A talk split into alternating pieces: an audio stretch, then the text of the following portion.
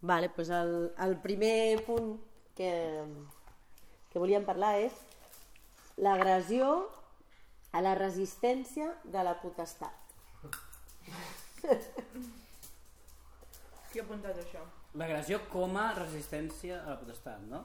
No, no, uh, no, no, és l'agressió a la resistència de la potestat. Bueno, no, o sigui, crec que és la resistència a la potestat vista com una agressió. Això, Ara. l'agressió com a... Com a... Ah, Ah, no com a... No, com a... No. L'agressió com... No, no, no, no, no. Ah. Jo crec que és al revés. És la resistència a la potestat vista com a agressió. Ah. Sí.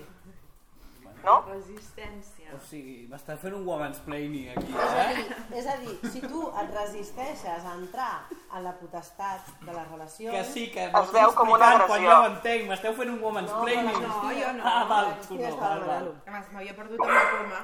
Si tu et resisteixes a entrar a la potestat i, Jo ho, ente jo, ho en jo ho he entès així, vamos. i les altres persones ho viuen, si estan acostumades a, a que això existeixi, Mercè, que, que has dut el mòbil al lavabo.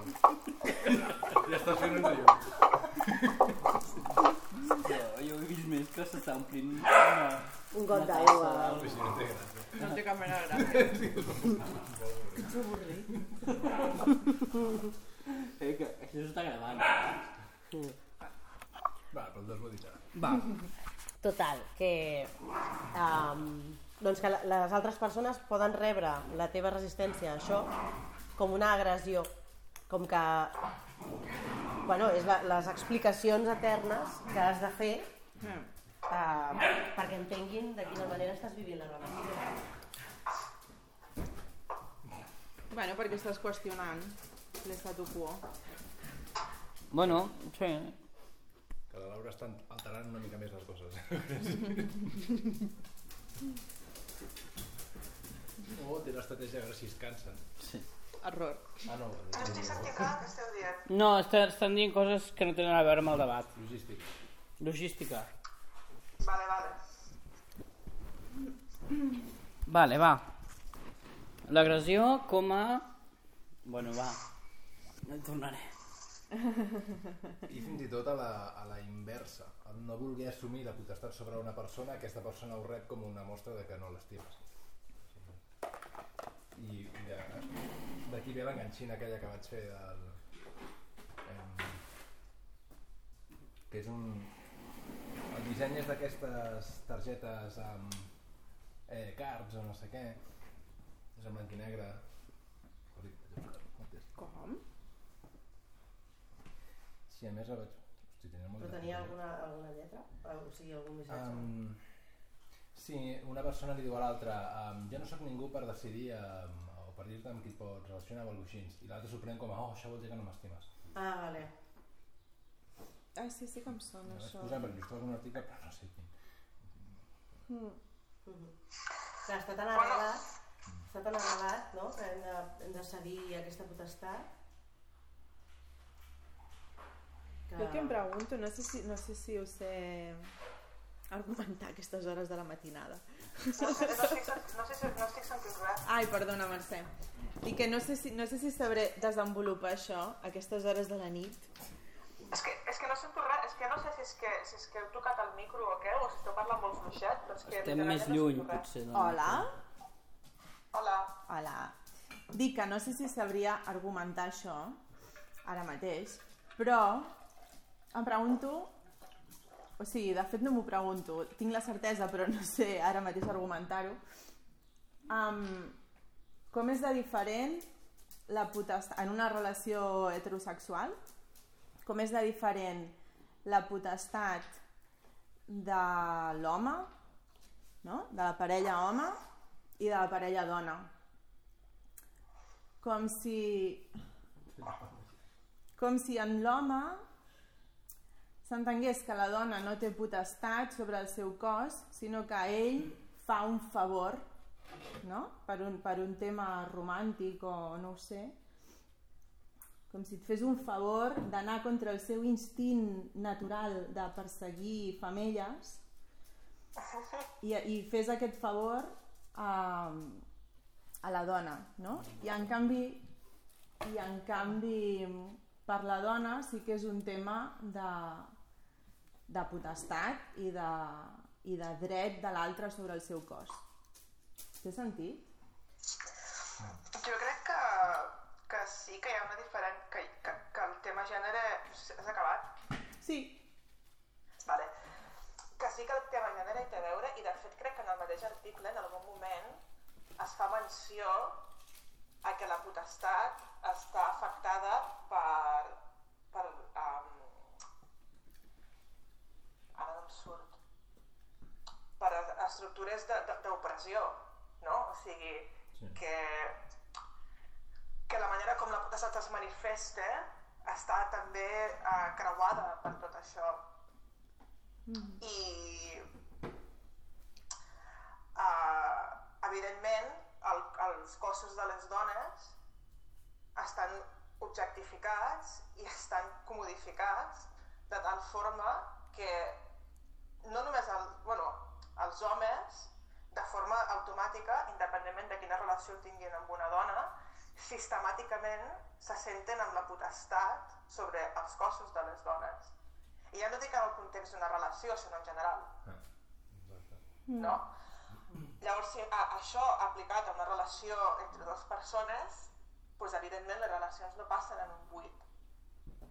I jo crec que sí, que, que, que, que està aplicat. De fet, això també crec que està molt lligat a, als, típics, als típics mites aquests de, de, de l'amor romàntic, ja no de l'amor romàntic, sinó els estereotips sobre el matrimoni, per exemple, les típiques samarretes que veus a, a les botigues de souvenirs d'un noi i una dona que estan casant i el tio està trist i és com game over. No? Perquè és, és com aquesta assumpció de que casant-se el tio està renunciant al seu dret de follar amb altres ties mentre que la dona ja li està bé això, no? Perquè és com la seva posició natural Mm. és d'entregar-se a una sola persona. Saps què et vull dir? Sí, no sí. només, no només ja està bé, que sí, que, que hi ha un element de gènere molt bèstia. no només li està bé, sinó que s'espera no? de, de la dona que arribi a casar-se i, a, i a fer la família. Mhm. L'altre dia estava, estava bueno, mirant, de fet, un programa de ràdio, perquè és un programa de ràdio que es grava també i, i posen el vídeo per YouTube. I hi va haver una escena que em va semblar super violenta.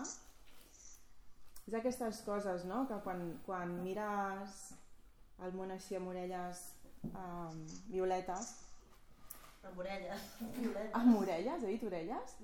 Ah, també. Tot el teu cos violeta. Um, aquestes, aquestes escenes que veus de tant en quant i que per mi la pregunta automàtica o, o automàticament és com que m'imagino l'escena amb, els, amb els gèneres canviats i veig què passa no, amb aquella escena. I l'altre dia hi havia una que això en aquest programa que em va semblar molt violenta que era que l'entrevistador eh, va parlant amb el públic i així és un programa d'humor i, i, i aleshores s'apropa a, una, a una noia que, que volia fer una intervenció i quan s'apropa li diu ostres, fa super bona olor el cabell et fan super bona olor els cabells i la noia diu sí, és que faig servir aquest xampú ah, no sé què va dir, no?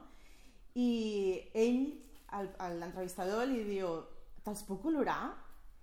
i el seu company li diu sí, sí, fes però, o sigui, a mi em va super escandalitzar això però em vaig adonar, més com que està gravat el vídeo no? I, i veus les reaccions de la gent que no va haver una no va haver-hi una reacció bèstia de sorpresa o d'escàndol per sort l'entrevistador va dir ui, aquí tenim un home que no s'ha donat que estem al segle XXI Oh, oh.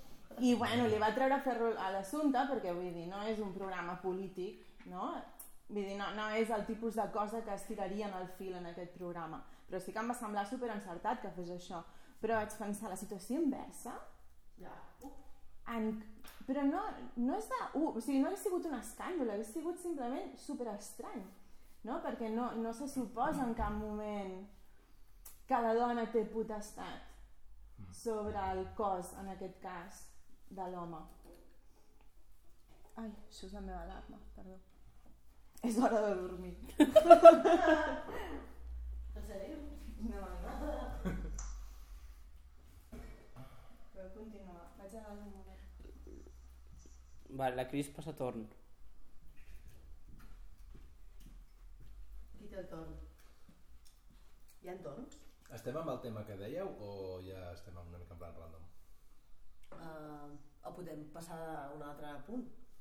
Mercè, segueixes aquí? Ah, hi ha una, una reflexió que tinc ganes de fer, que és, de, no sé, que és molt en general sobre la, la tesi central de l'article. No sé si algú vol fer alguna reflexió concreta o seguim aquest tema abans. No, tira, tira. Doncs espera, vull fer un Ah, apunt. val. Pues no. No, Vale. però uh, del que ha dit la Cris, que ara no hi és, però bueno. Eh, a mi m'ha passat, passa que ara no recordo exactament la situació, però algo de l'estil de eh, un tio que d'alguna manera no és que em demani literalment permís, però sí que ha de com xequejar amb mi, que xequejar pot ser un tema ben fet i, i, un, i una mostra de consideració, eh? però eh, el fet de jo tinc una relació romàntica o sexual amb una altra persona i aquest tio també, o la té o la vol tenir, i que d'alguna manera amb mi hi ha com una espècie com de deferència, de... Mm, no sé, si fa alguna o si passa no sé què, doncs ha de ser havent parlat amb mi primer, no? O alguna així. I, i jo sentir-me com un... Però què, què, què, m'estàs dient a mi? Saps? O sigui, si, qualsevol cas parla amb ella, no? Que és...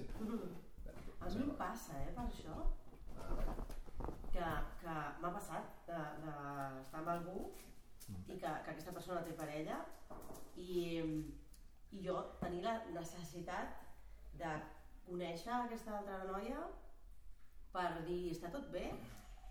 Però més aviat de sororitat, eh? La sensació que tenia. No sé si, amb, si entre, entre homes és la mateixa sensació de fraternitat o, o, o no sé. Però jo sí tenia la, la, la cosa de estàs bé perquè com que eh, en algun moment se't, se't comparteix que l'altra persona doncs, té les seves dificultats o el que sigui, no? així com en trets generals, doncs voler, voler saber que, o, o voler inclús fer saber que, que no estic per competir i que, i que inclús quasi tinc la necessitat de que tot vagi bé perquè si no és com inclús una certa mandra en mi de dir "Pff, si s'ha de liar massa potser no cal no? com no sé no, us- no us passa? Jo estic molt en aquest punt, el mateix que deia la Laura, eh? eh jo això ho faig perquè assumeixo que tothom és monògam i ho faig per una qüestió de, de, de seguretat. Mm. Assumeixo que tothom és monògam i assumeixo que tothom és hetero perquè és que si no em foto d'hòsties i, i, i és, tot és un drama. I a no ser que siguin espais ja explícitament no així. Però quan estic fora pel món mmm, sí, assumeixo que la gent és monògama i que té aquest tipus de relacions perquè passo de que vingui un, si m'estic liant amb una tia, vingui el seu nòvio a, a, a rebentar-me la cara, no? Pues abans prefereixo preguntar-li i estalviar-me una rebentada de cara. Però preguntar, perdó, eh? Però, perquè potser m'he perdut un tros. Preguntar-li a qui? A ella o a ell, en aquest cas? A, a, en, en aquest cas és els dos, no? Però tot i que encara que ell em digui sí, mm, saps? A mi em fan molta por els tios que vulguin rebentar cares. I per això sempre, saps, m'asseguro de... Um, sí, no em rebentaràs la cara? Vale, correcte. I qui diu, i qui diu rebentar cares... Estàs menjant patates? Uh, I qui diu rebentar cares diu pues, pues, uh, tenir una mala escena, no? O un numeret o, o una situació tensa que no em ve de gust tenir. I uh, pues, eh, sobretot això, quan, quan l'altra, la tercera persona en qüestió és un tio. Quan la tercera persona en qüestió és una tia, eh, em ve de gust saber que no se sentirà malament i que no hi haurà problemes. No, és una, una qüestió de cuidar-la perquè no, no em dóna la sensació que, que hagi de rebre violència, almenys el tipus de violència que no, que, que no vull assumir. M'explico? Sí. Sí, va, ja està. Eh, hi, hi ha torns? No. vale. Jo, a mi que aquesta situació, o sigui, imaginar-me en aquesta situació a mi em sembla surrealista. A mi, a mi com a Cristina, eh? perquè mm, potser és pel tipus de pers no bueno, de persones amb qui em relaciono i per la forma com em relaciono amb persones vull dir que no m'ha passat mai em sembla de tirar-me la jugular d'algú al cap de dos minuts de conèixer-lo um, clar, assumeixo que en aquest procés eh, no sé, vull dir que cadascú o sigui, em, em semblaria impossible haver-me de... Clar, a més estem assumint que hi ha només una persona, o sigui, només una tercera persona, però és que potser n'hi ha, jo què sé, no? Depèn de com cadascú entengui la seva xarxa eh, afectiva, Mm. és que potser em trobaria la situació d'haver de preguntar a 12 persones com se senten en relació al fet que jo faci un petó o una carícia o me'n vagi al llit. Però si n'hi ha 12, jo crec que ja, ja tinc bastant clar que la cosa està entesa i que s'ho estan currant. Sí? Inclús penso, me n'acabo d'adonar, que en el cas de relació amb dona no tinc tanta necessitat de, de saber com està l'altre home. No sé, potser si fos una, una altra dona, potser sí. És curiós, eh? Ara me l'acabo d'adonar. Però, en canvi, estar amb un home que té una altra pare parella dona, Sí. sí que tinc aquesta cosa de, ei, no estem competint, eh? Com necessito clarificar-ho... Però, però, amb una, sí. però és curiós que, que amb un home no, no tinc aquesta necessitat de... amb un metamor home Ja, ja, ja.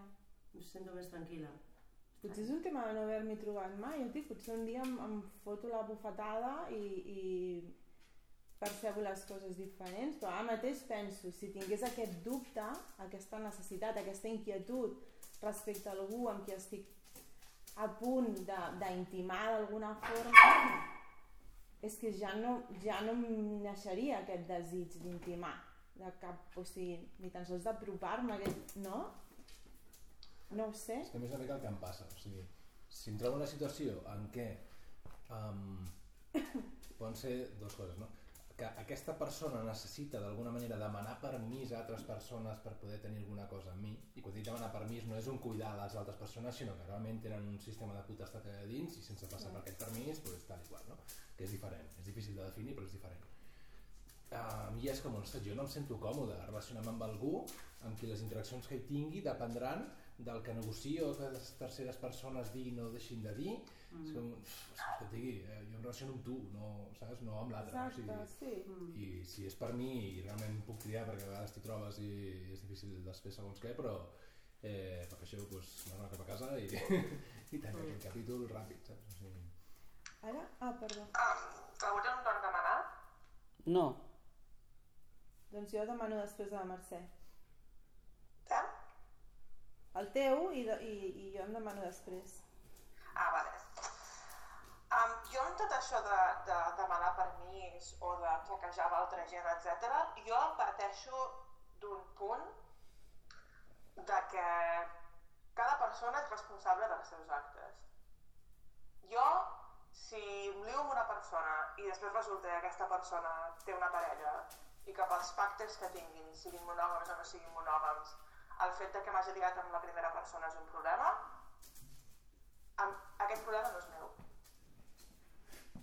O sigui, no, no, no vinc d'una base d'individualisme mm, radical de dir jo només miro per mi els altres que es donin per sac. No, no ve per aquí la cosa.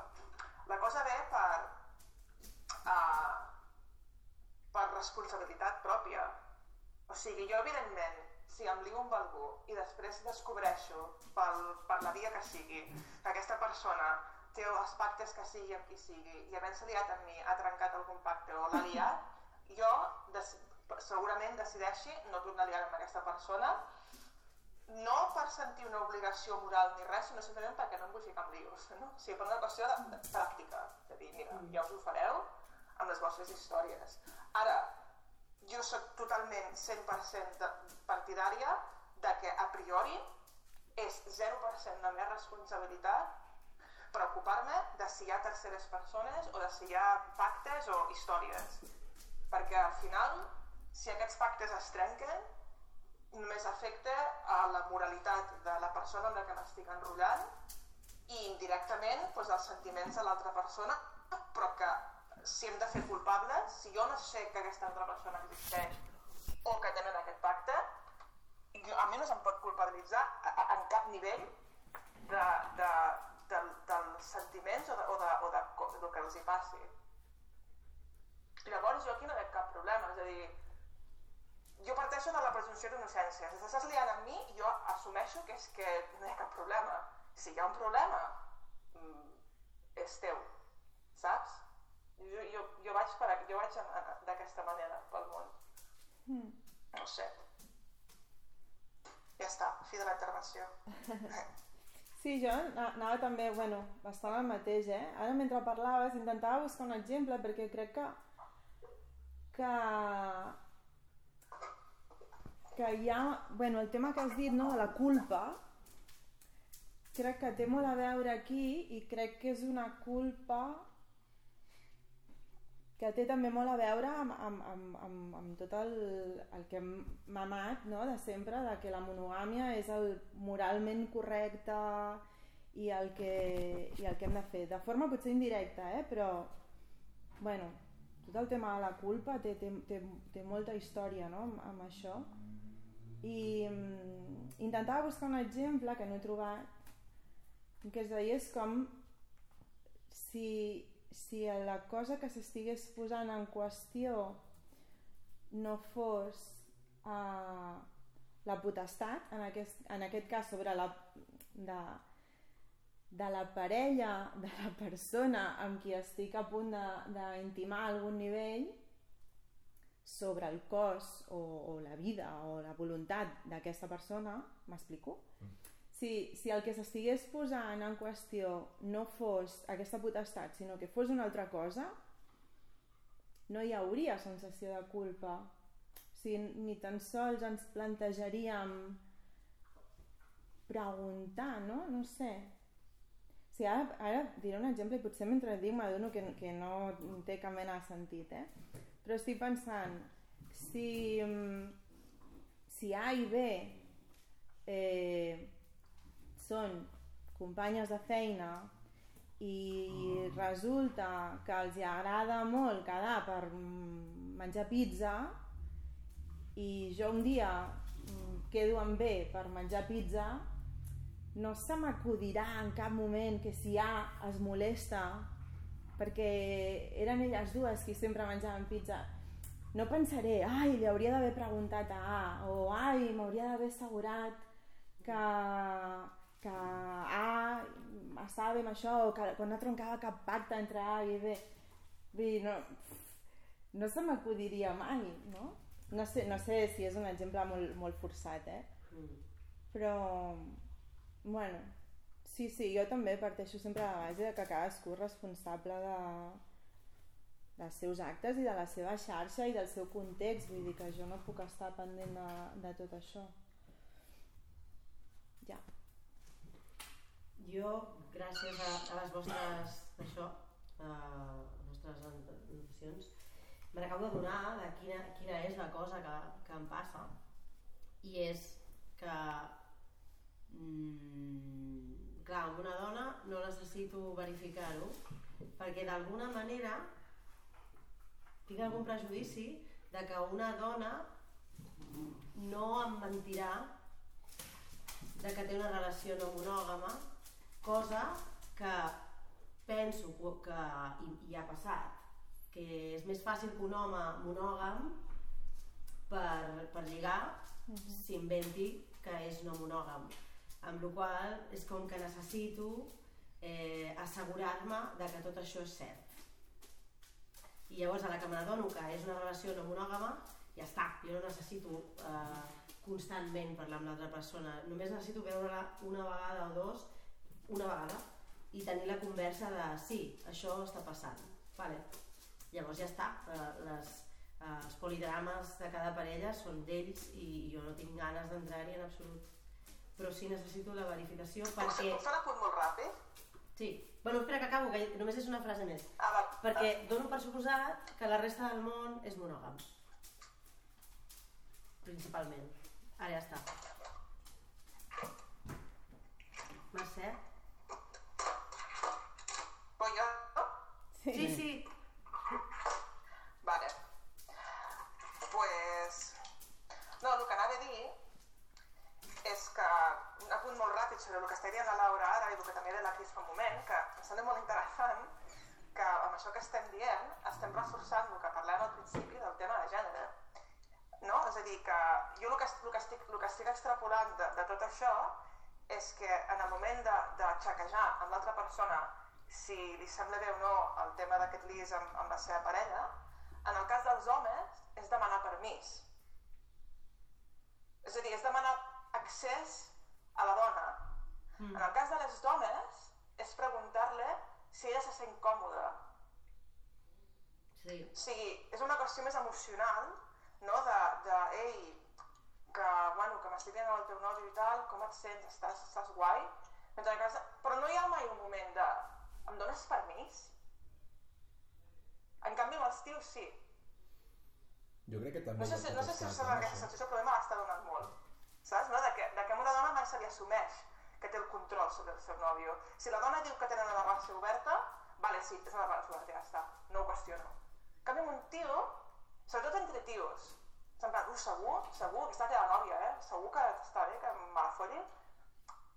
No sé, no sé si esteu d'acord amb aquesta diferència, però, però a mi, a mi m'està ressonant molt això.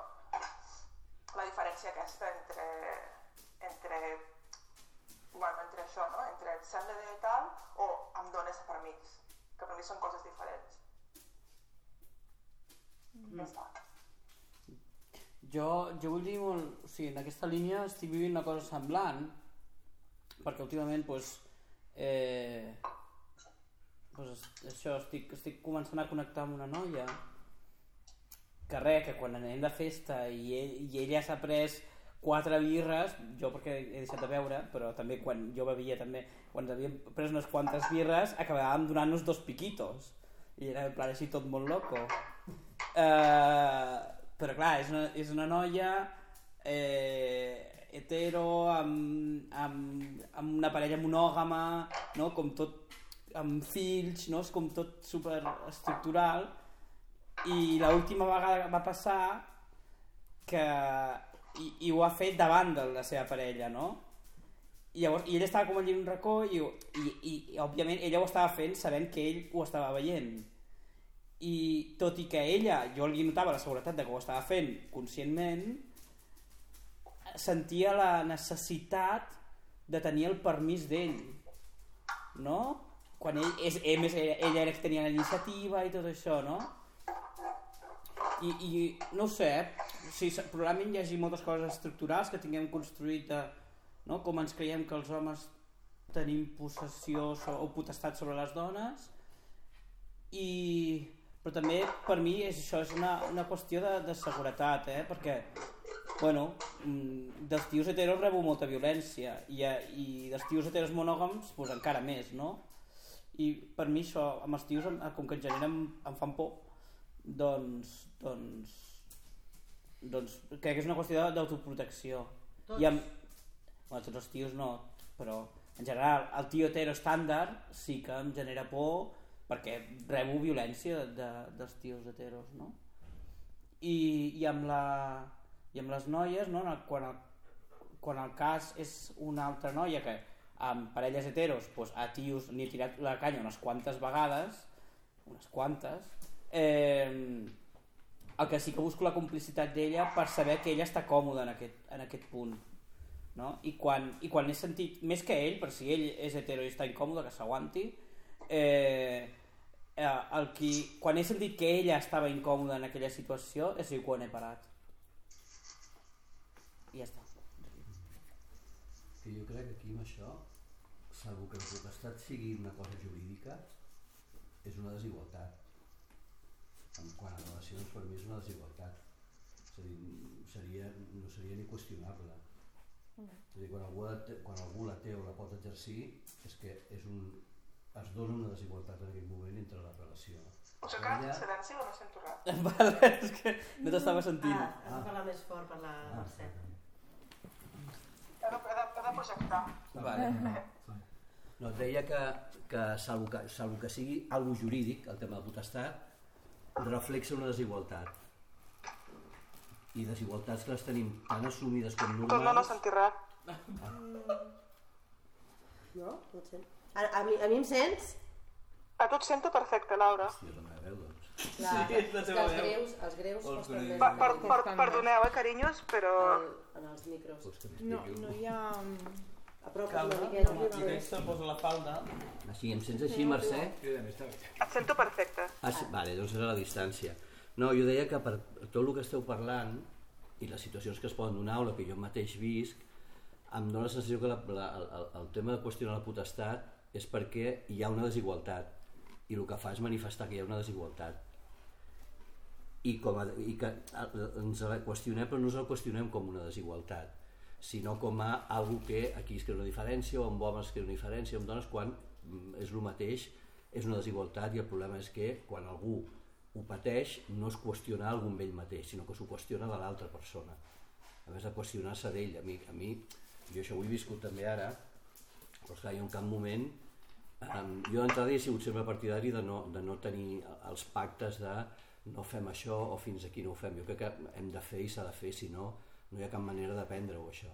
Però just, per, just partim de que és una, una situació que per mi no és normal, per mi no estava acostumat, amb la qual jo assumeixo que és la normal, ha de ser la normal, i com que aquesta és la que considero normal, tot el que em vingui i em posi amb dificultat amb això, allò és el que no és normal. Per tant, allò és el que jo haig d'assumir, no la Laura o la persona que estigui amb ella o la persona que pugui estar-hi. Amb la qual aquí, en el moment que jo fes o volgués fer algun pacte que coartés d'alguna forma el que ella té ganes de fer, es genera una desigualtat per mi. I en aquest cas, jo la potestat així la veig com a desigualtats, perquè no, no et posen a qüestionar-te tu què passa, sinó que qüestiones en el- en en l'art donar-li o no donar-li. Per mi aquest no és el terme donar o donar. És a dir, és el, el, a mi què m'està passant perquè jo deixo de ser lliure aquí. Demano torn jo. Em, el Xavi m'ha fet pensar en, eh, en com o, o com definir eh, el paradigma, no? la, la, la base sobre la que, la que ens estem movent. Eh, la meva visió del tema és que eh, funcionem sempre i inevitablement eh, sota una estructura i unes dinàmiques de potestat i de poder i tota una sèrie de qüestions, de mil maneres.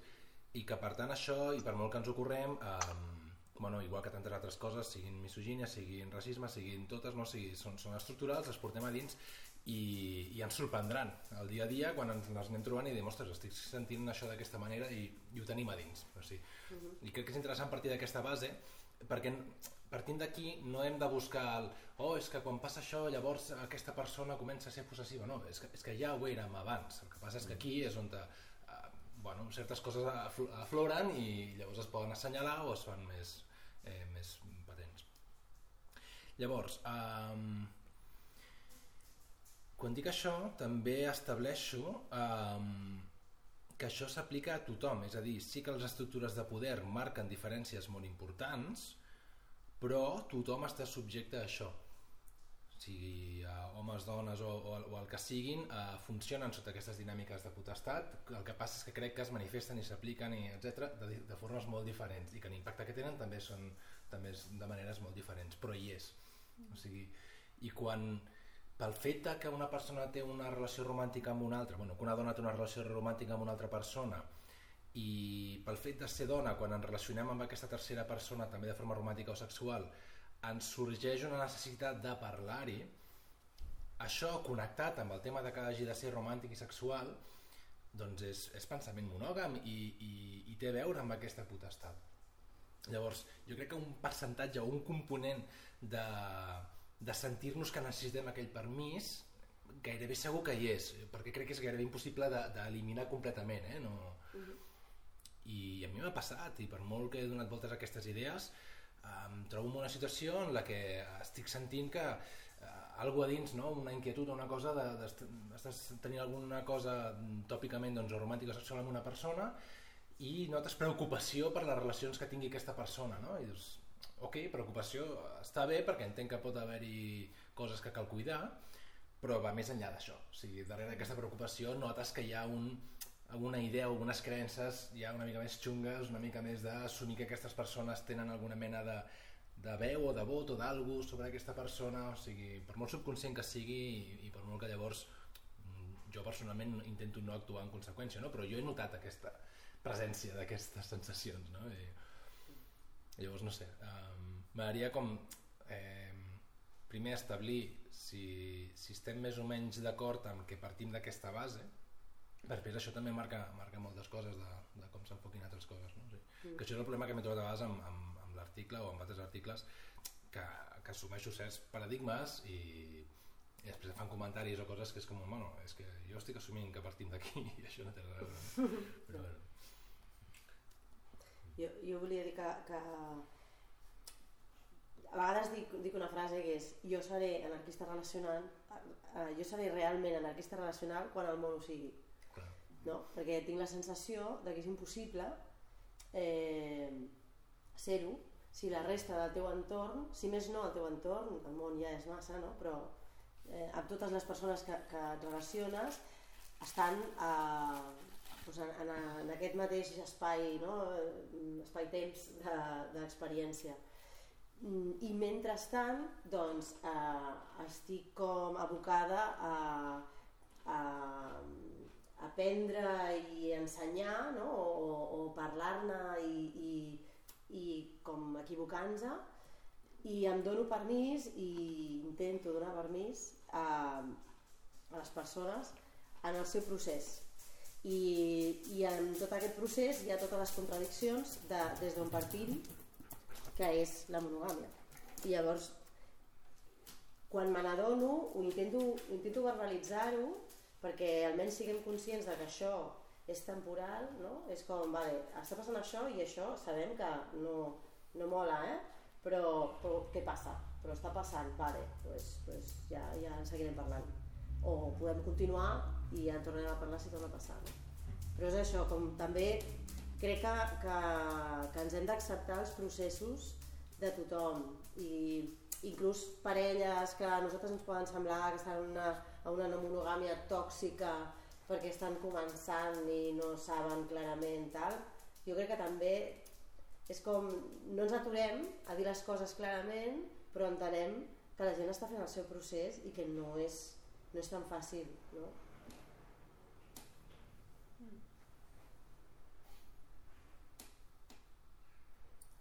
Cric, cric. Suposo que la diferència, seguint la línia del que tu has dit, és um, que hi ha dues formes d'enfocar-ho, no? Um, és a dir, uh, és necessari tenir aquesta visió de que cadascú té el seu procés i que això s'ha de, bueno, de respectar i a vegades acompanyar, i etc etc perquè bueno, és que si no seria, seria inhumà, no? perquè Clar. funcionem com funcionem. o no trobaríem a ningú L'altra cosa és acceptar que certs, certs plantejaments es converteixin, o sigui, o reforçar la norma o que, es, o que apareguin noves normativitats que d'alguna manera no trenquin amb coses que estem intentant assenyalar o canviar. És a dir, si la nova norma és que s'ha de ser poliamorós i que els pactes s'han de consensuar i s'han de fer contractes i signar-los i que no sé què, no sé quantos, ho sento, però no. Saps? O sigui, el costa és també d'assenyalar això, llavors sí, tingueu el vostre procés, però assenyalem que això és xungo. sí, I com aquest exemple, mil, no? no. sí. Jo m'he trobat en una situació així de dir uh, l'altra persona m'està dient no, no farem consensos perquè és, és tòxic i no, i no és i jo dir val, però si, ajud, si ajuda t'ho concedeixo, o sigui, concedeixo, ho faré perquè em dóna la gana a mi, ho faré durant un mes de posar aquest límit perquè aquesta persona pugui respirar i pensar-hi. Però és com, és temporal i, i és simplement, és aire per pensar-hi. No, no és un, una cosa que... Porta, dos.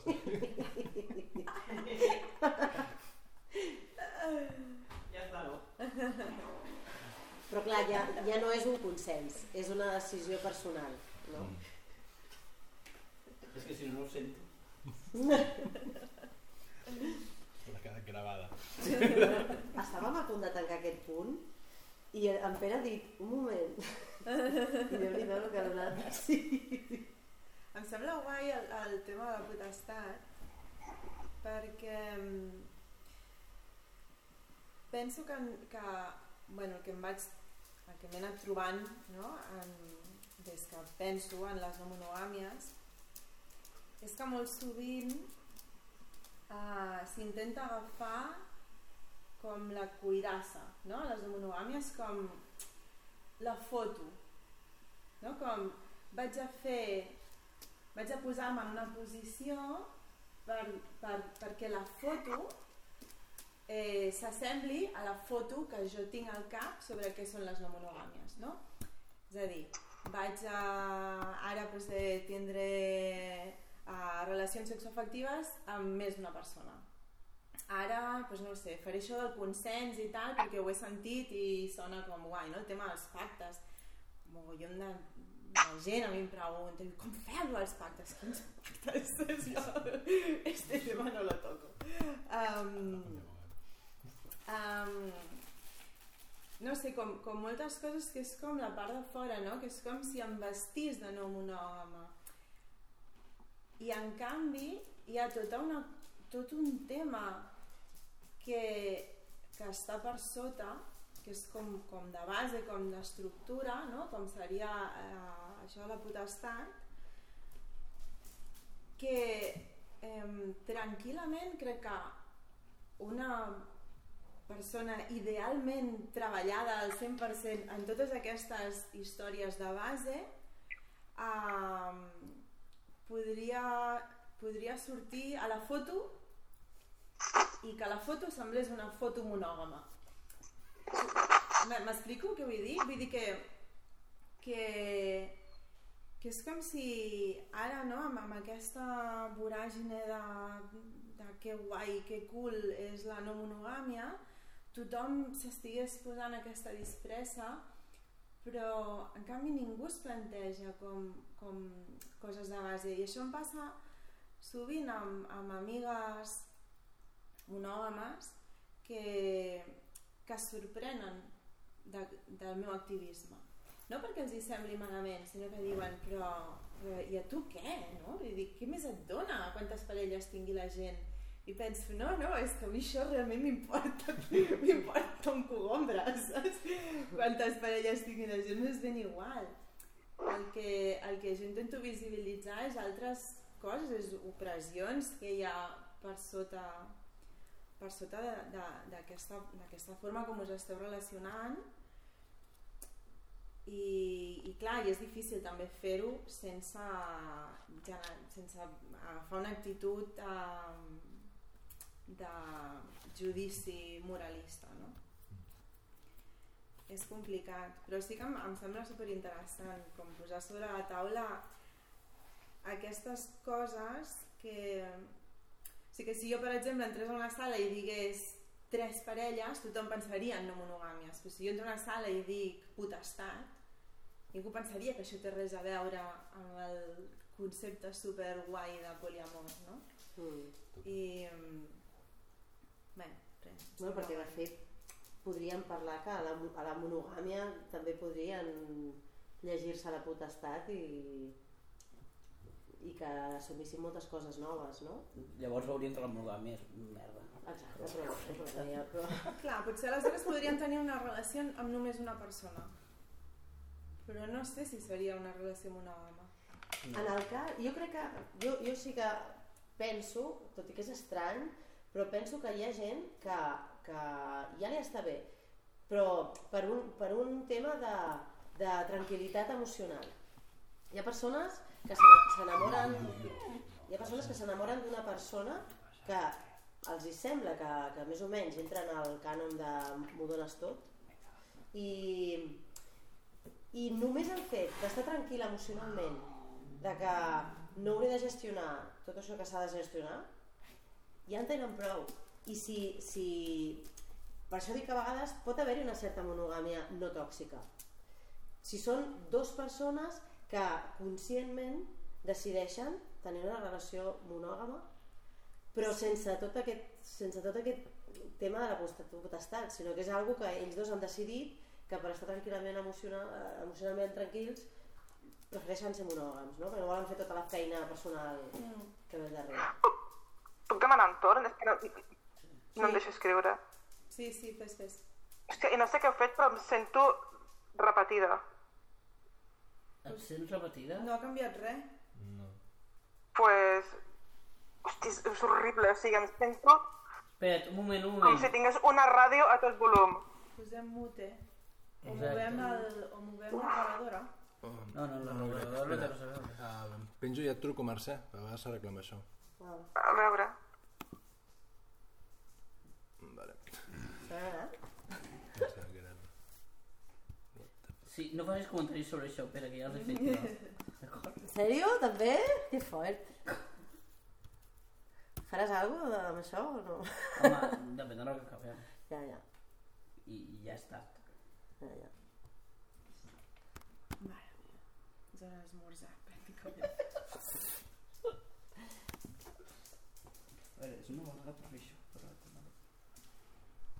Que ja començo a treballar com... Preguntava... A veure si s'hi fiqui.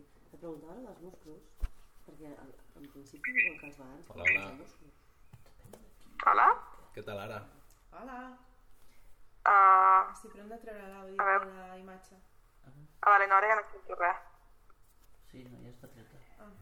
Hola. Vosaltres em sentiu a mi? Sí, Sí. perfectament. Vale, em sento una miqueta, però no tant com abans. Mm, vale. Vale, doncs puc demanar un torn? Sí. El tens. Vale, guai. Um, bueno, doncs és que ha vingut de perles la intervenció de la Laura perquè la meva anava, una- la que he demanat fa un rato, anava una miqueta en la mateixa línia. Um, abans de dir que vull dir, vull fer un ràpid, que és que tot el concepte aquest de qualsevol cosa que dues persones facin és correctes mentre discuteixin, tots estem d'acord, que que, eh, no és un concepte perfecte. Perquè, evidentment, una persona pot, entre cometes, consentir a algo que no és del tot ètic o correcte, sigui perquè se l'ha mm, pressionat, sigui perquè té, se- sent pressions socials, etc. O sigui, en cap moment estic defensant al 100% el concepte dues persones fent alguna que consenteixen correctament vol dir que és correcte que no s'ha de. Partint d'aquesta base, um, crec que és possible tenir una relació monògama sense que això signifiqui necessàriament que estàs prenent potestat sobre l'altra persona. O prenent potestat sobre l'altra persona però d'una forma no assumida, sinó explícita. Què vull dir amb això? Jo com a persona no monògama puc triar fotre'm en una relació monògama no perquè l'altra persona m'ho ha demanat o perquè m'he liat amb una persona i m'ha dit si vols seguir liant amb mi has de deixar de sortir amb altres persones sinó simplement perquè en un moment donat jo pensi em ve de gust fer això o sigui, no estic renunciant a la meva llibertat de liar-me amb altra gent o de tenir relacions romàntiques amb altra gent, etc. perquè l'altra persona m'ho hagi demanat o ho hagi assumit, sinó perquè a mi em ve de gust. I en el moment en què em cansi de fer això, no li demanaré permís a la meva parella per liar-me amb altra gent. No, li, no, no, no, no deixaré que, que, que exerceixi la seva potestat, sinó que li diré han canviat les meves, les meves circumstàncies, ja no em ve de gust seguir tenint una relació monògama, què en penses? Que la meva parella em diu no em sembla bé? Doncs pues partim peres. I em converteixo en una monògama en sèrie i ja està, no? Uh, o uh, si em diu pues, que li sembla bé, pues, llavors canvia el paradigma de la relació i, i ens tornem no monògams, no? Clar, això és, és molt... És, és relativament difícil que això passi, perquè normalment una persona que estigui d'acord amb aquest sistema segurament serà una altra persona que en algun moment ha sigut no monògama. Perquè si tu a una persona monògama li vens d'aquest plan, de dir-li, ei, que jo normalment sóc no monògama, però accedeixo, o sigui, ara em ve de gust ser monògama un rato, però que sàpiguis que pot ser que se'm canvi la idea. Crec que molta gent monògama pues, marxaria corrent, no? Perquè seria com, hòstia, se't tirarà la olla i de repent mm, ja no estarem junts. Però que se m'acudeix aquest escenari, no? Possible, com a... De, de, de, de, de tenir una relació monògama on no hi hagi tot aquest rotllo de la potestat. Ara, mm, de les relacions monògames que existeixen, aquest escenari que acabo de descriure, jo m'imagino que és com el 0,0001% i la immensa majoria de relacions monògames que existeixen segueixen al peu de la lletra tot el que està a l'article, no? O sigui, aquest moment d'assumir coses, aquest moment de si no estàs d'acord amb que siguin monògams és que no m'estimes, o el pas extra de de si estàs d'acord amb no ser monògams és que no m'estimes, encara és xungo. A la meva opinió són coses diferents, crec jo. Um, I, dit tot això, és una altra cosa a l'aire, perquè algú deve expandir-la, i si no, doncs no res. Que és que, clar, si... O sigui, jo, soc, jo estic super d'acord amb l'article del moment de la potestat quan és una cosa implícita, no? És a dir, o quan és una cosa explícita però que està suportada per arguments implícits. És a dir, una persona pot dir explícitament crec que tinc dret a dir-te amb qui pots fotre't al llit i molta gent consideraria que això no és res dolent, sinó que és una cosa molt normal, però això està suportat per coses més com de baix de l'iceberg, no? com de pues, estructures de poder, etc. No? Ara, hi ha situacions en les quals hi ha una potestat molt explícita que no sé fins a quin punt criticaríeu o us semblarien malament. Com per exemple, si jo tinc una relació um, de, que és... Um, ah, no sé com dir-ho. En, el món, en el món del BDSM, no? si jo tinc una relació amb algú en, el, en la qual uh, jo renuncio a alguns dels meus drets o jo renuncio a algunes de les meves llibertats com una cosa que jo he pactat amb una persona que està agafant un rol dominador, jo li estic donant una potestat a aquesta persona. No és, no és una potestat, diguéssim, social una potestat al mateix nivell de la monogàmia, perquè evidentment no és una cosa que s'esperi, ni és una cosa que és implícita, és una cosa que és molt negociada i que és molt parlada, etc. Però al final, quan tu pactes amb una altra persona mm, tu pots dir-me què he de fer al llit o tu pots dir-me tal o qual, tu estàs donant una potestat. Encara que tingueu una paraula de seguretat, etc etc, tu li estàs donant aquest poder. La pregunta és, pel fet de que tu l'estàs donant, llavors ja no entra en la definició de potestat? O sí que hi entra i en aquest cas per què considerem que això és acceptable però una altra cosa no? O no ho considerem acceptable? I ja està, ahí la dejo. Està ja molt outdated. Jo considero que sí que és acceptable per una qüestió, perquè en el cas del BDSM la cessió de potestat és una qüestió reversible. I com que és reversible i sempre ho escull la persona originària d'aquella potestat realment no estàs cedint una potestat perquè és una qüestió temporal però quan tu vulguis realment aquella potestat tornarà a tu amb la paraula de seguretat o amb el pacte que sigui. Però jo ho veig això perquè és una qüestió reversible i la reversibilitat està en, no, està en mans de la persona pròpia, no? de l'originària. Ja està. Clar, però en una relació monògama, una relació monògama no és un pacte amb el diable, tu pots deixar-la. Sí, correcte. se, sí, però s'acaba... Clar, clar, clar. Bueno, hi ha algunes que és difícil eh, deixar-les, però sí. Però el problema és que no és una qüestió reversible. O sigui, la, la relació de BDSM, no? la relació eh, no acabarà pel fet de tu retornar a la teva potestat. Pot continuar per una altra banda i allò es pot tornar a repetir en un altre moment aquella mateixa escena es pot tornar a repetir en un altre moment però perquè quan es torni a donar les circumstàncies el que sigui en el cas de la monogàmia no, quan lo dejas lo dejas ja està no? per mi hi ha una cosa molt interessant, això que ha dit la Mercè de potestat implícita o explícita, i crec que això és, és molt important.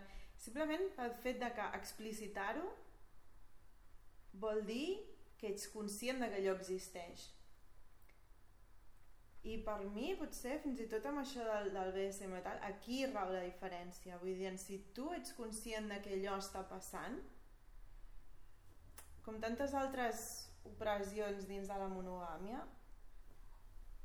mm, hi, va haver una, hi va haver una vegada en una trobada de no monogàmies que una persona va dir una cosa que em va semblar superinteressant que després ho he sentit més vegades però aquella va ser la primera vegada que deia quan parla, en aquest cas ell parlava de poliamor i deia poliamor és el número i mm, bueno, torno una miqueta a lo d'abans eh? el, el tema aquest de la, de la disfressa però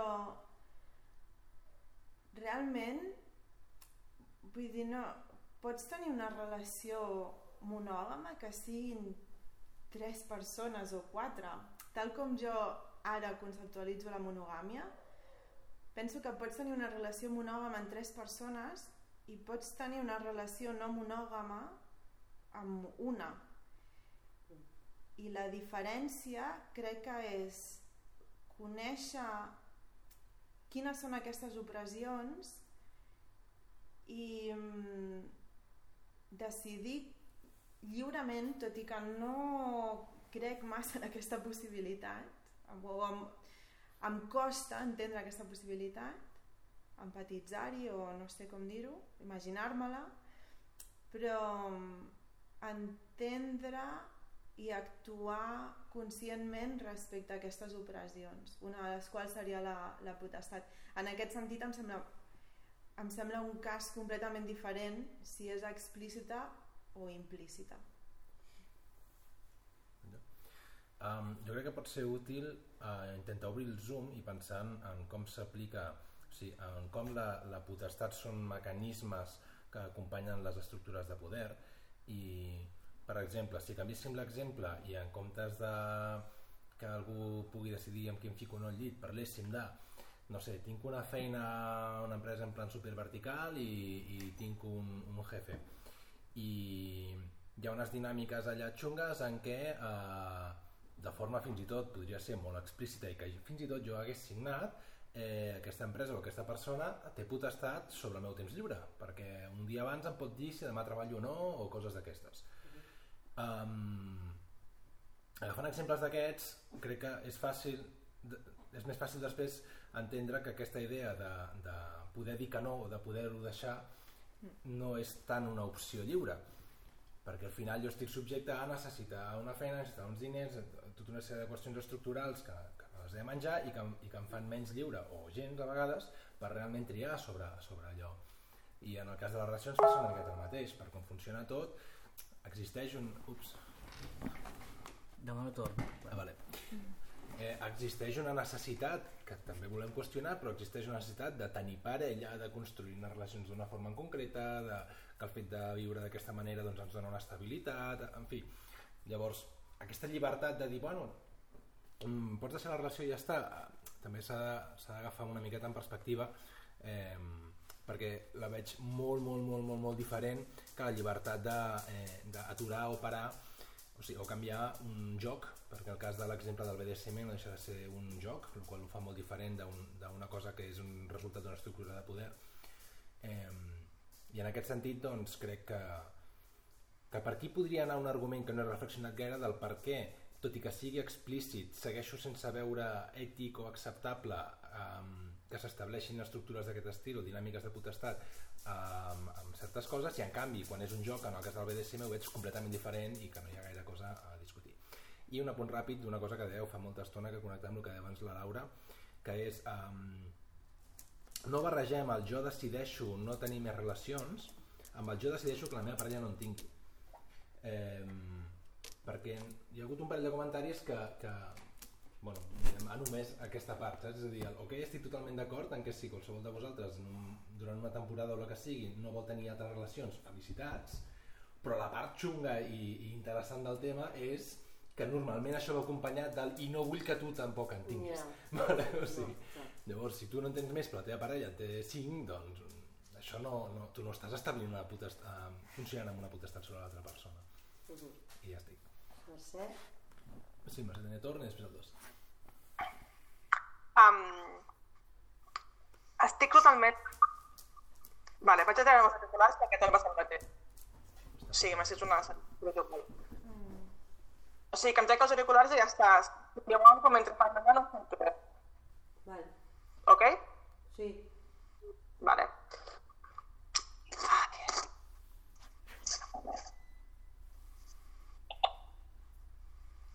Vale.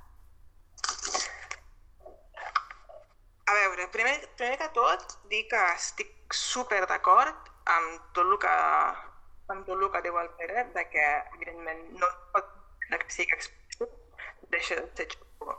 I per això, abans de la intervenció, he citat molt el tema de que, que algú, dues persones distintes públicament vol dir que sigui. Espera, Mercè, que no se't sent bé. S'hauria de dir per, per escrit. Ara bé, ah, ah, tornant al tema, al tema que, no, de, de, uh, si em fico, el primer era el, Sí, sí, sí. que no és el mateix no tenir altres que esperar que la, Mercè! que en el moment en el que, que en el que tu dius, res. vale, no, jo, com que jo no vull tenir relació, o vull que tu en tinguis. No? Que aquí està el... I estic totalment d'acord. Mercè! Per WhatsApp. això dic Mercè! bastant una, un tema de no? un tema de, Liverpool. Penja-la. Ah, vale, sí. Penja-la. Sí, és una manera. amb la qual la conversa? espero que tu tampoc en tinguis encara que tu. Ah. Si no, un tema que potser és que potser Oh. Val. Eh, hem hem de tancar la RAM, o sigui, hem d'agafar RAM d'aquí, no? O sigui, tancar navegadors i Spotify i coses d'aquestes. Ah, vale. No sé si és més internet, però bueno, podria ser també. I Shop, que és una aplicació de Hangouts. Home, sí. Ah, no, és perquè és la pestanya que hi ha marcada. I si ho, ho apropo més al router? El router està a 3 metres d'aquí, No canvia res.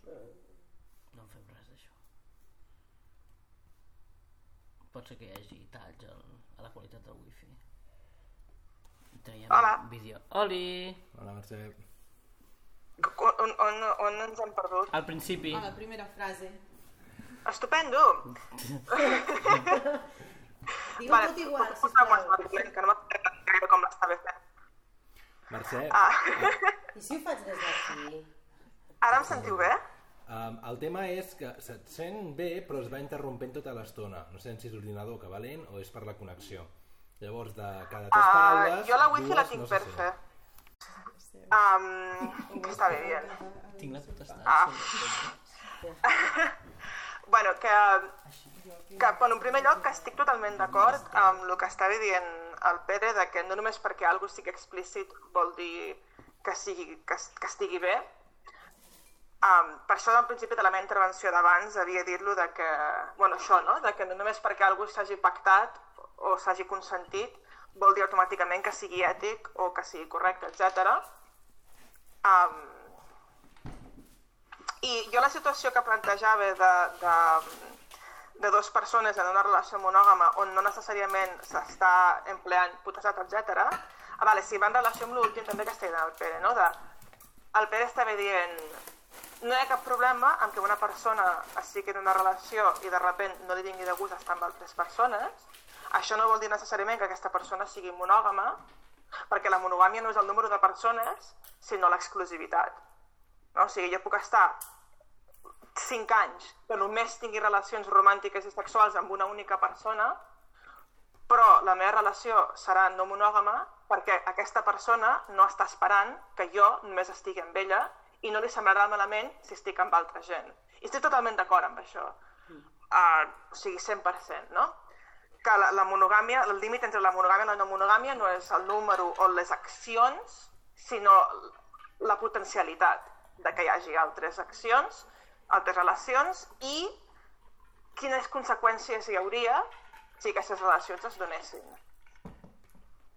Partint d'aquesta base, l'escenari que jo m'imagino en el qual dues persones tenen una relació monògama on no està havent moments de, de potestat xungo, igual és una cosa molt utòpica que no passa mai, en el, mai, a la vida, jo el que m'estic imaginant són dues persones que, independentment de si s'identifiquen com a monògames o no monògames, que això de fet dona per un altre debat, però jo no sé fins a quin punt és pràctic definir la monogàmia o la no monogàmia com a qüestions identitàries i no tant com a qüestions del que fas, però això és un altre debat.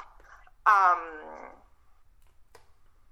o sigui, dues persones que independentment de com s'identifiquin, se n'adonen que estan en un moment vital en el qual estan contentes només relacionant-se l'un amb l'altre a nivell sexual i o romàntic i decideixen de mutu acord o el que sigui de dir, vale, pues ara ens funciona anar d'aquesta forma. I si en un moment donat una de les dues persones, o tres, o les que siguin, uh, li canvien les circumstàncies i li ve estar amb altra gent, pues ho pot comunicar.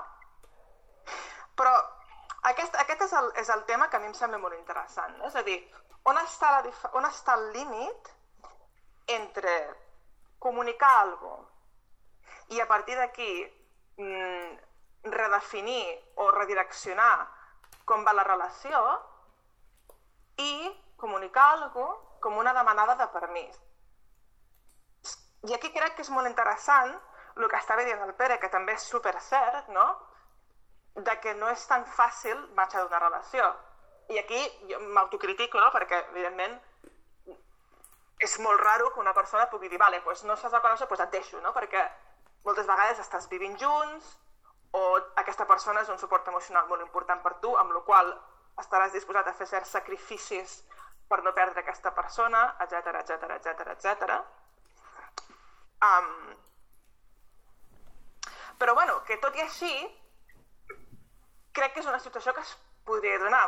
Clar, ara, ara jo m'estic adonant no? de que igual és una cosa tan, tan rara, tan utòpica i tan poc probable que igual no té cap mena de pes argumentatiu perquè és com, vale, sí, un 0,00% en el qual això no passa, vaya castanya, no?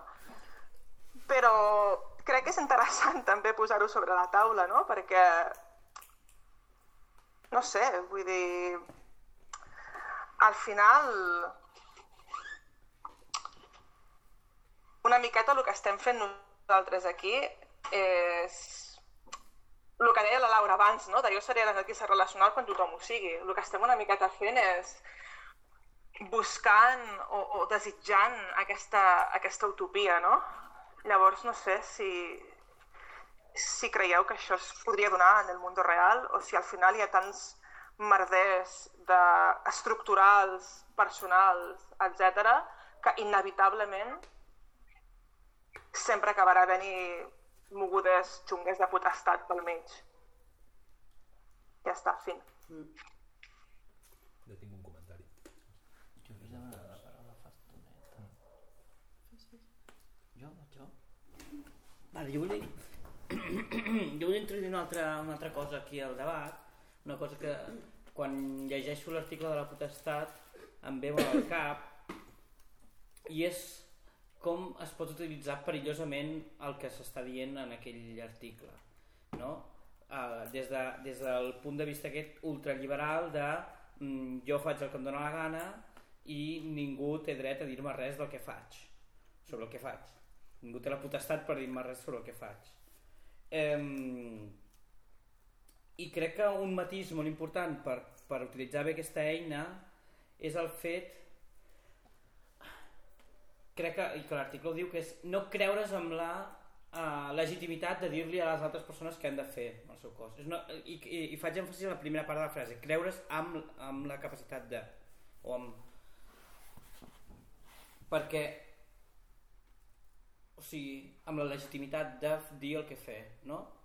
El que sí crec que jo, bueno, que jo vull defensar és que sí hem de tenir espais per poder demanar a les altres persones que no facin certes coses no exigir-ho i imposar-ho, però sí demanar-ho, perquè poden haver necessitats personals que passin a través del que fan les altres persones i el que no fan les altres persones. I, i a mi personalment se m'ha utilitzat un discurs semblant a aquest, no existia aquest article, però se m'ha utilitzat aquest discurs quan jo estava demanant unes necessitats, o sigui, tenia unes carències i estava demanant necessito que això no passi i no, no t'ho estic exigint perquè no sóc ningú per exigir-te res, però necessito que això no passi per estar bé. I, i contestar-me, en lloc de dir no vull assumir-ho això, simplement tu no tens dret a demanar-me això. I crec que aquí hi ha un, hi ha un viatge important i crec que s'ha de fer molt de, molt d'èmfasi. aquí.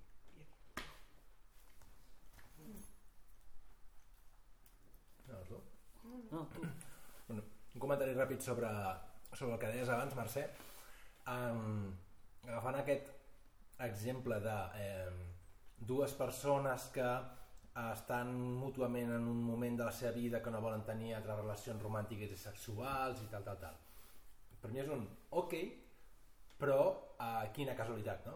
O sigui, em ressona a saco amb exemples que, que conec, família i altres famílies i tal, on um, s'han distribuït els rols uh, de manera que una de les dues persones treballa i porta bastanta pasta a casa i l'altra persona es queda a casa i cuida de la canalla i, i de la casa i quina casualitat, que el que a més estan super d'acord i a més super explícit i els hi va bé, és que ell és qui està a casa i ell és qui, i ell és qui treballa.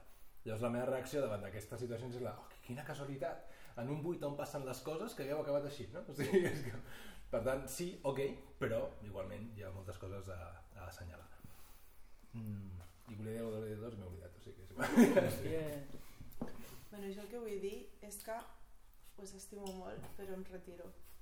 Estic cansada. Així que, res, moltíssimes gràcies. Podeu continuar, eh? Us, tinc la potestat De, de donar-vos permís. de donar-vos permís perquè continueu parlant, però jo me'n vaig a dormir. No, que no hi ha trens? No Les sé. 12, no? Hi ha trens. Suposo que fins a les 12. I teniu el bus i... I a Bosnic també. Tu tens el, el bus aquí que et va directe a plaça Sants. Espanya. Carrer de Sants, no? Ah. Vaig a posar-me... Plaça Espanya, No, no, no, la Gran Via. Bueno, jo no estic cansat, però haig d'anar a dormir també, si no mm, tornaré super tard i marxaré amb la Cris. Doncs, uh, què voleu fer? I jo vull dir una coseta només, que s'estira això també, uh, i sobretot d'acord amb el que deia ella amb el que tu dius, Pere, però el problema que veig és que el tema de la monogàmia és, el, com a estructura de poder, és els valors que ens donen no escollits. És a dir, són valors imposats per tothom, amb la qual a partir d'aquí ja és desigual perquè els valors no tens la llibertat d'escollir cadascú els propis i que qualsevol valor sigui que siguis bo, perquè l'has escollit tu o s'ha escollit en, en, en, en funció del que tu tens, el que tu creus que has de viure. I la monogàmia el que fa és imposar un valor. A partir d'imposar un valor ja hi ha i existirà la potestat, perquè hi haurà un grup que dominarà, en aquest cas, en aquest cas és, és el, permet el masclisme i permet moltes i moltes desigualtats. Però no és el tema d'exclusivitat o no només, sinó que s'imposa una forma a partir de la qual valida que hi hagi una estructura de poder, perquè t'imposa uns valors. No els esculls, sinó que t'imposa. A partir d'aquí, el que tu no escollis les coses passa a ser lo normal. Per tant, el més fort guanyarà aquí. I en aquest cas, tenim una societat masclista, tenim una societat mm, eh, absolutament vertical. Llavors, per això, quan deia abans, el, el, el, la monogàmia en si, jo no li veig el problema si no hi hagués la potestat, si no tingués que haver-hi la potestat. És que llavors no seria monogàmia. Per això, per això dic que per mi el, el problema que hi ha no és, no és aquest que dèiem, sinó el problema que hi ha és que són estructures de poder que no ens donem compte i que ens imposen valors com a bons i que no ens donem compte d'això. I a partir d'aquí ens ballem i a partir d'aquí eh, la lluita és assolir, jo vull assolir aquesta part de poder perquè no vull que em manin, vull manar jo. El que no et dones compte és que el que, el que has de posar en de judici no és que et mani algú, que tu manis, sinó que hi hagi una forma que fa que això passi. I és que tu no tens valors propis, te'ls han imposat. I tu estàs obeint i a més vols que l'altre els obeeixi aquests, quan no són ni d'ells ni segurament són teus. Què, què estàs fent, Mercè? Estic fent molt soroll? Què és? què és? No, és, no, no, no res, estic, no estic fent res realment. No. Tinc, el, mòbil- tinc el, els llibres posats. Espera, que trec el micro. Pues se, se sentia bastant fort, sí. Perdó. Vale, um, crec que recordo una mica el que volia comentar de, del que tu deies, que al capdavall, i això ja és tota una part que faltaria comentar en les següents edicions d'aquest article, um, crec que un canvi de paradigma interessant, i de fet això connecta amb l'anarquisme pur i dur, és que en comptes de tenir cura els uns dels altres en base a obligacions de fer-ho, es fa en base a responsabilitat. I és un, dos, jo tu no et cuidaré um, perquè considero que tu um, jo que sé, uh, tens potestats sobre el que jo puc fer amb el meu cos i per tant no consultaré tu, sinó que sabent que hi ha coses que jo faci que t'afecten, prendré responsabilitat i des d'aquí et cuidaré però sense, sense l'obligació i sense la, la imposició ni res així i aquí és on per mi ha d'arribar tota aquesta història d'acabar aquí no? Perquè si es queda mig camí es queda la part neoliberal de ah, Clar, ja algo està no. Molt bé, doncs el clap potser és el primer clap així intern fet, acabat. Bravo, a mi m'agrada molt. Jo vull més. Doncs moltes gràcies.